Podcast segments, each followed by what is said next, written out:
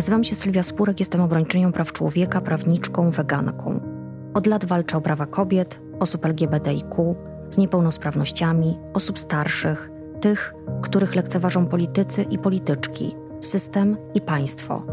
Walczę z katastrofą klimatyczną, bo świat płonie. Bronię praw zwierząt, bo nikt nie ma prawa ich wykorzystywać i zabijać. I właśnie o tym jest mój podcast. Prawo spórek. Zapraszam do słuchania.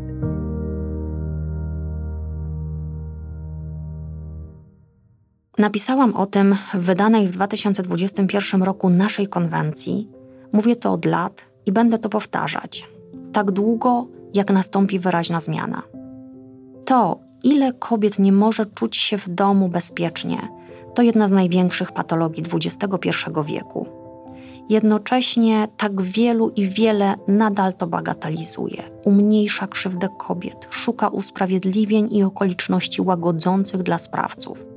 Tak wielu polityków nadal próbuje doklejać walce o prawa kobiet łatkę ideologii, wpisywać sprawę życia i śmierci kobiet w bieżącą walkę polityczną, walkę o kolejną kadencję.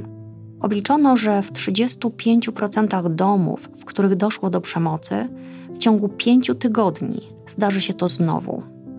Żadne inne przestępstwo nie ma takiego odsetka powtarzalności. Ale tak, ten raz to już jest przestępstwo. Przemoc jest przestępstwem i jest też codziennością w zbyt wielu rodzinach. Kobiety doświadczające tej przemocy widzisz w tramwaju, w biurze, w telewizji. Ich status majątkowy czy osiągnięcia nie mają znaczenia. Źródłem przemocy nie jest alkohol ani żadna inna patologia. Przemoc wynika po prostu z czyjegoś przekonania, że ma on władzę i kontrolę nad innymi członkami rodziny i może ją egzekwować, także w sposób przemocowy. Tylko tyle i aż tyle. Konieczna jest edukacja, by nikt nigdy więcej nie kierował się stereotypami, szczególnie w kontekście ofiary. To prosta droga do założeń o zbyt krótkich spódniczkach, zasłonej zupie i innych formach prowokowania sprawcy. Statystyki są tu bezwzględne. Sprawca to najczęściej mężczyzna. Ofiarami są kobiety, dzieci, starsi, mniej sprawni członkowie rodziny, zwierzęta domowe. Nie zawsze widoczne są siniaki, nie zawsze słychać awantury, a nawet jeśli słychać, zamknięte drzwi powstrzymują przed zadawaniem pytań. Myślimy o tym konflikt domowy, prywatna sprawa. W efekcie wzrasta bezkarność i poczucie mocy sprawcy, rośnie ból i strach jego ofiar oraz rachunek, który jako społeczeństwo musimy za to płacić. A to nie jest żaden konflikt, tutaj nie mamy do czynienia z równowagą sił z jednej strony jest sprawca przemocy, a z drugiej ofiara. Przemoc nie jest prywatną sprawą. Z przemocowych domów i obojętnego otoczenia biorą się kolejne pokolenia mężczyzn krzywdzących kobiety. Teraz również w ramach nowego zjawiska cyberprzemocy, czyli nowej twarzy starego problemu. Jak wynika ze zrealizowanej na zlecenie minister rodziny, pracy i polityki społecznej ogólnopolskiej diagnozy zjawiska przemocy w rodzinie, to, co łączy osoby stosujące przemoc w rodzinie, to przede wszystkim wspólne doświadczenia oraz środowisko, w którym się wychowywali i żyją. Są to w większości osoby, które same doświadczyły przemocy oraz osoby, w otoczeniu których przemoc jest codziennością. Przemoc jest zamachem na fundamentalne prawa człowieka do bezpieczeństwa, godności, ochrony zdrowia i życia. Łamanie praw człowieka tworzy problemy społeczne, powoduje wzrost wydatków publicznych, kosztów opieki społecznej, ochrony zdrowia, kosztów sądowych, policji, prokuratury. Straty ponosi biznes, bo krzywdzone kobiety to przecież też pracowniczki, których problemy rzutują na jakość pracy, rozwój firm, a nawet całej gospodarki. Straty, jakie ponoszą państwa Unii Europejskiej w wyniku przemocy domowej, to nawet 1% PKB tych krajów. Mówię o tym, bo być może do kogoś, kto nie jest przekonany do argumentów słusznościowych, trafią argumenty finansowe. Równość, bezpieczeństwo, życie w poczuciu godności opłacają się i społecznie, i gospodarczo. W rzeczywistości akceptującej przemoc trudno żyje się też mężczyznom którzy wstydzą się mówić, że są feministami, że wierzą w równość i szanują kobiety, swoje partnerki. Gdy dobrze mają się przestarzałe stereotypy dotyczące płci, mężczyźni rzadziej decydują się na skorzystanie z urlopu rodzicielskiego czy zaangażowanie w wychowanie dzieci. Takie działania postrzegane są nadal jako niemęskie, a na inną niż toksyczna męskość nie ma miejsca tam, gdzie wciąż obowiązują patriarchalne wzorce. Przemoc domowa to częsty wariant szerszego zjawiska przemocy ze względu na płeć, która dotyka kobiety, a przemoc wobec kobiet to najbardziej drastyczna forma ich dyskryminacji, bo są kobietami. Ich prawa są łamane i brak ochrony przed przemocą domową to jedna z twarzy tego problemu. Z braku równości i szacunku, z postrzegania kobiet jako ludzi drugiej kategorii, bierze się dyskryminacja i molestowanie w miejscu pracy, nierówny podział obowiązków w domu, lekceważenie spraw dla kobiet istotnych, takich jak niezbędna dla ich bezpieczeństwa opieka zdrowotna. Tu też trzeba mówić o stratach ponoszonych przez gospodarkę, bo są ogromne. Jak oszacował Europejski Instytut do Spraw Równości Kobiet i Mężczyzn, koszt przemocy ze względu na płeć w Unii Europejskiej wynosi 366 miliardów euro rocznie. Co ważne, działania na rzecz ofiar przemocy ze względu na płeć, takie jak tworzenie schronisk, to tylko 0,4% wydatków. Przyjrzyjmy się innym aspektom systemowej dyskryminacji kobiet, bo jeżeli nie zrozumiemy, czym jest równość, jakie są formy dyskryminacji kobiet, co znaczy prawo do całego życia, to nie będziemy potrafili chronić kobiet przed przemocą i gwarantować im pełnych, fundamentalnych praw człowieka. Spójrzmy na opiekę zdrowotną. Kobiety nie mają dostępu do nowoczesnego leczenia niepłodności, godnej opieki okołoporodowej, zgodnej z wiedzą medyczną edukacji seksualnej i antykoncepcji. Dramatycznie wygląda też sytuacja, gdy przyjrzymy się profilaktyce nowotworowej. Eksperci i ekspertki wskazują, że Polska ma jeden z najwyższych wskaźników umieralności na raka szyjki macicy w Europie. A jednocześnie miliony kobiet nie mają dostępu do poradni ginekologicznej. Kobiety są dyskryminowane i molestowane w miejscu pracy. Otrzymują mniejsze wynagrodzenie za taką samą pracę, a potem mają niższe emerytury. Gdy w końcu mówią dość, jak miało to miejsce w kampanii MeToo, szybko okazuje się, że nie miały prawa do protestu, że przesadzają, że były same sobie winne. Są uciszane, wyśmiewane, a ich świadectwa są podważane.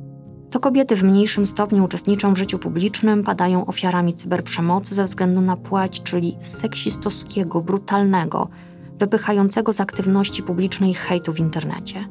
W życiu rodzinnym z kolei, poza narzuconymi nierównościami w podziale obowiązków i brakiem dobrego wsparcia systemowego w opiece nad dziećmi, problemy sprawia nieefektywny system alimentacyjny. To dotyka kobiety, bo to one najczęściej występują o opiekę nad dziećmi po rozstaniu z partnerem i je wychowują. W wielu przypadkach, gdy kobieta rodzi dziecko z niepełnosprawnością, zostaje z nim sama – przy nikłej pomocy ze strony państwa. To znowu kobiety najczęściej obarczane są obowiązkiem opieki nad starzejącymi się rodzicami i znowu państwo nie tworzy systemu wsparcia. Niektóre grupy osób przemoc dotyka w sposób zwielokrotniony, gdy krzyżują się różne aspekty płeć, wiek, status finansowy, miejsce zamieszkania, orientacja seksualna czy pochodzenie. Przykładem mogą być kobiety z niepełnosprawnościami, które są trzykrotnie bardziej narażone na przemoc niż kobiety bez niepełnosprawności.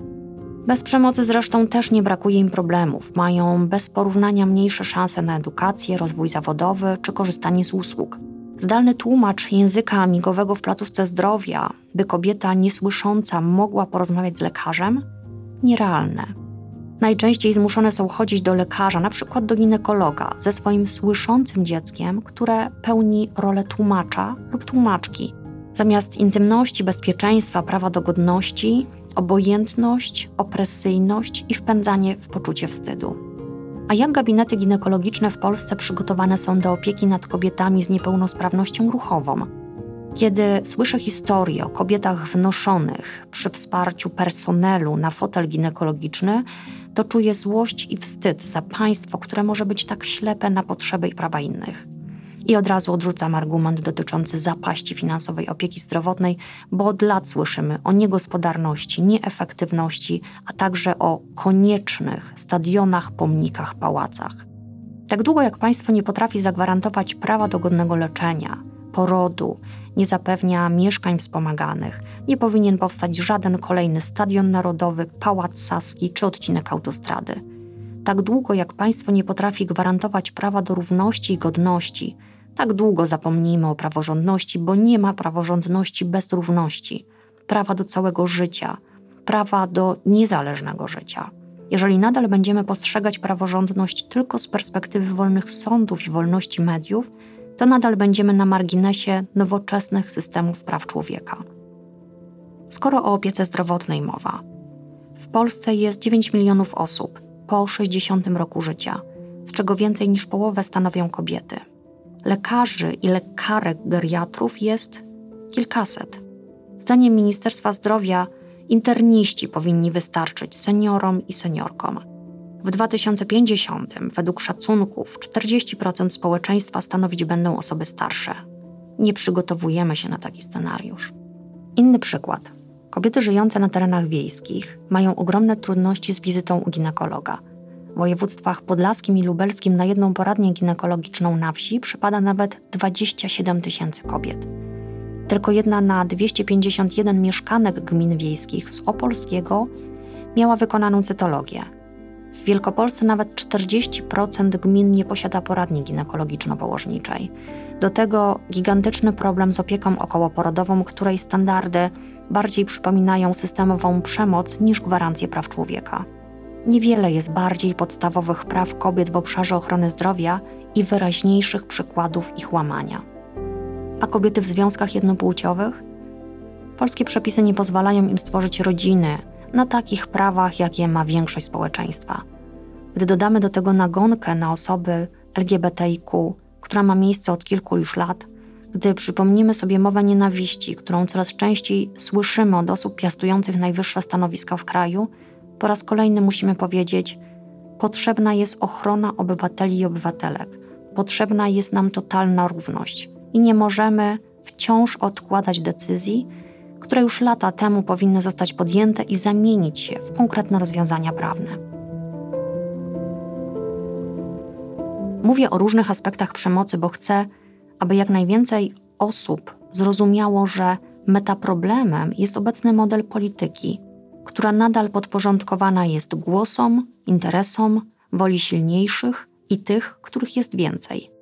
Mam wrażenie, że demokracja zdominowana przez partię już dawno wyczerpała swoją formułę. Już dawno przestała posiadać zdolność do rozwiązywania problemów, do budowania społeczeństwa i państwa w duchu równości, godności i solidarności. Brak prawa w pełni chroniącego kobiety przed przemocą, brak prawa gwarantującego pełną równość osobom LGBTIQ, brak prawa gwarantującego niezależne życie osobom z niepełnosprawnościami to nic innego jak przemoc niewidoczna przemoc państwa, która dotyka miliony. Dzisiaj zbieramy żniwa polityki, która uważa, że fundamentem demokracji są interesy silniejszych, a nie prawa człowieka. Bo gdyby partie polityczne przez całe lata poważnie traktowały naruszanie praw człowieka w Rosji, gdyby rozumiały, że demokracja, wolność mediów, godność jednostki są ważniejsze niż handel gazem z Putinem, to być może nigdy by nie doszło do tej strasznej wojny, której wielkimi ofiarami również znowu są kobiety. Ale kiedy rozum śpi, rodzą się i rosną potwory, niszczone jest życie ludzi i wybuchają wojny. Kiedy partie polityczne kierują się nie interesem wspólnym, ale interesem politycznym, demokracje słabną, a do głosu dochodzi populizm, homofobia i ideologia.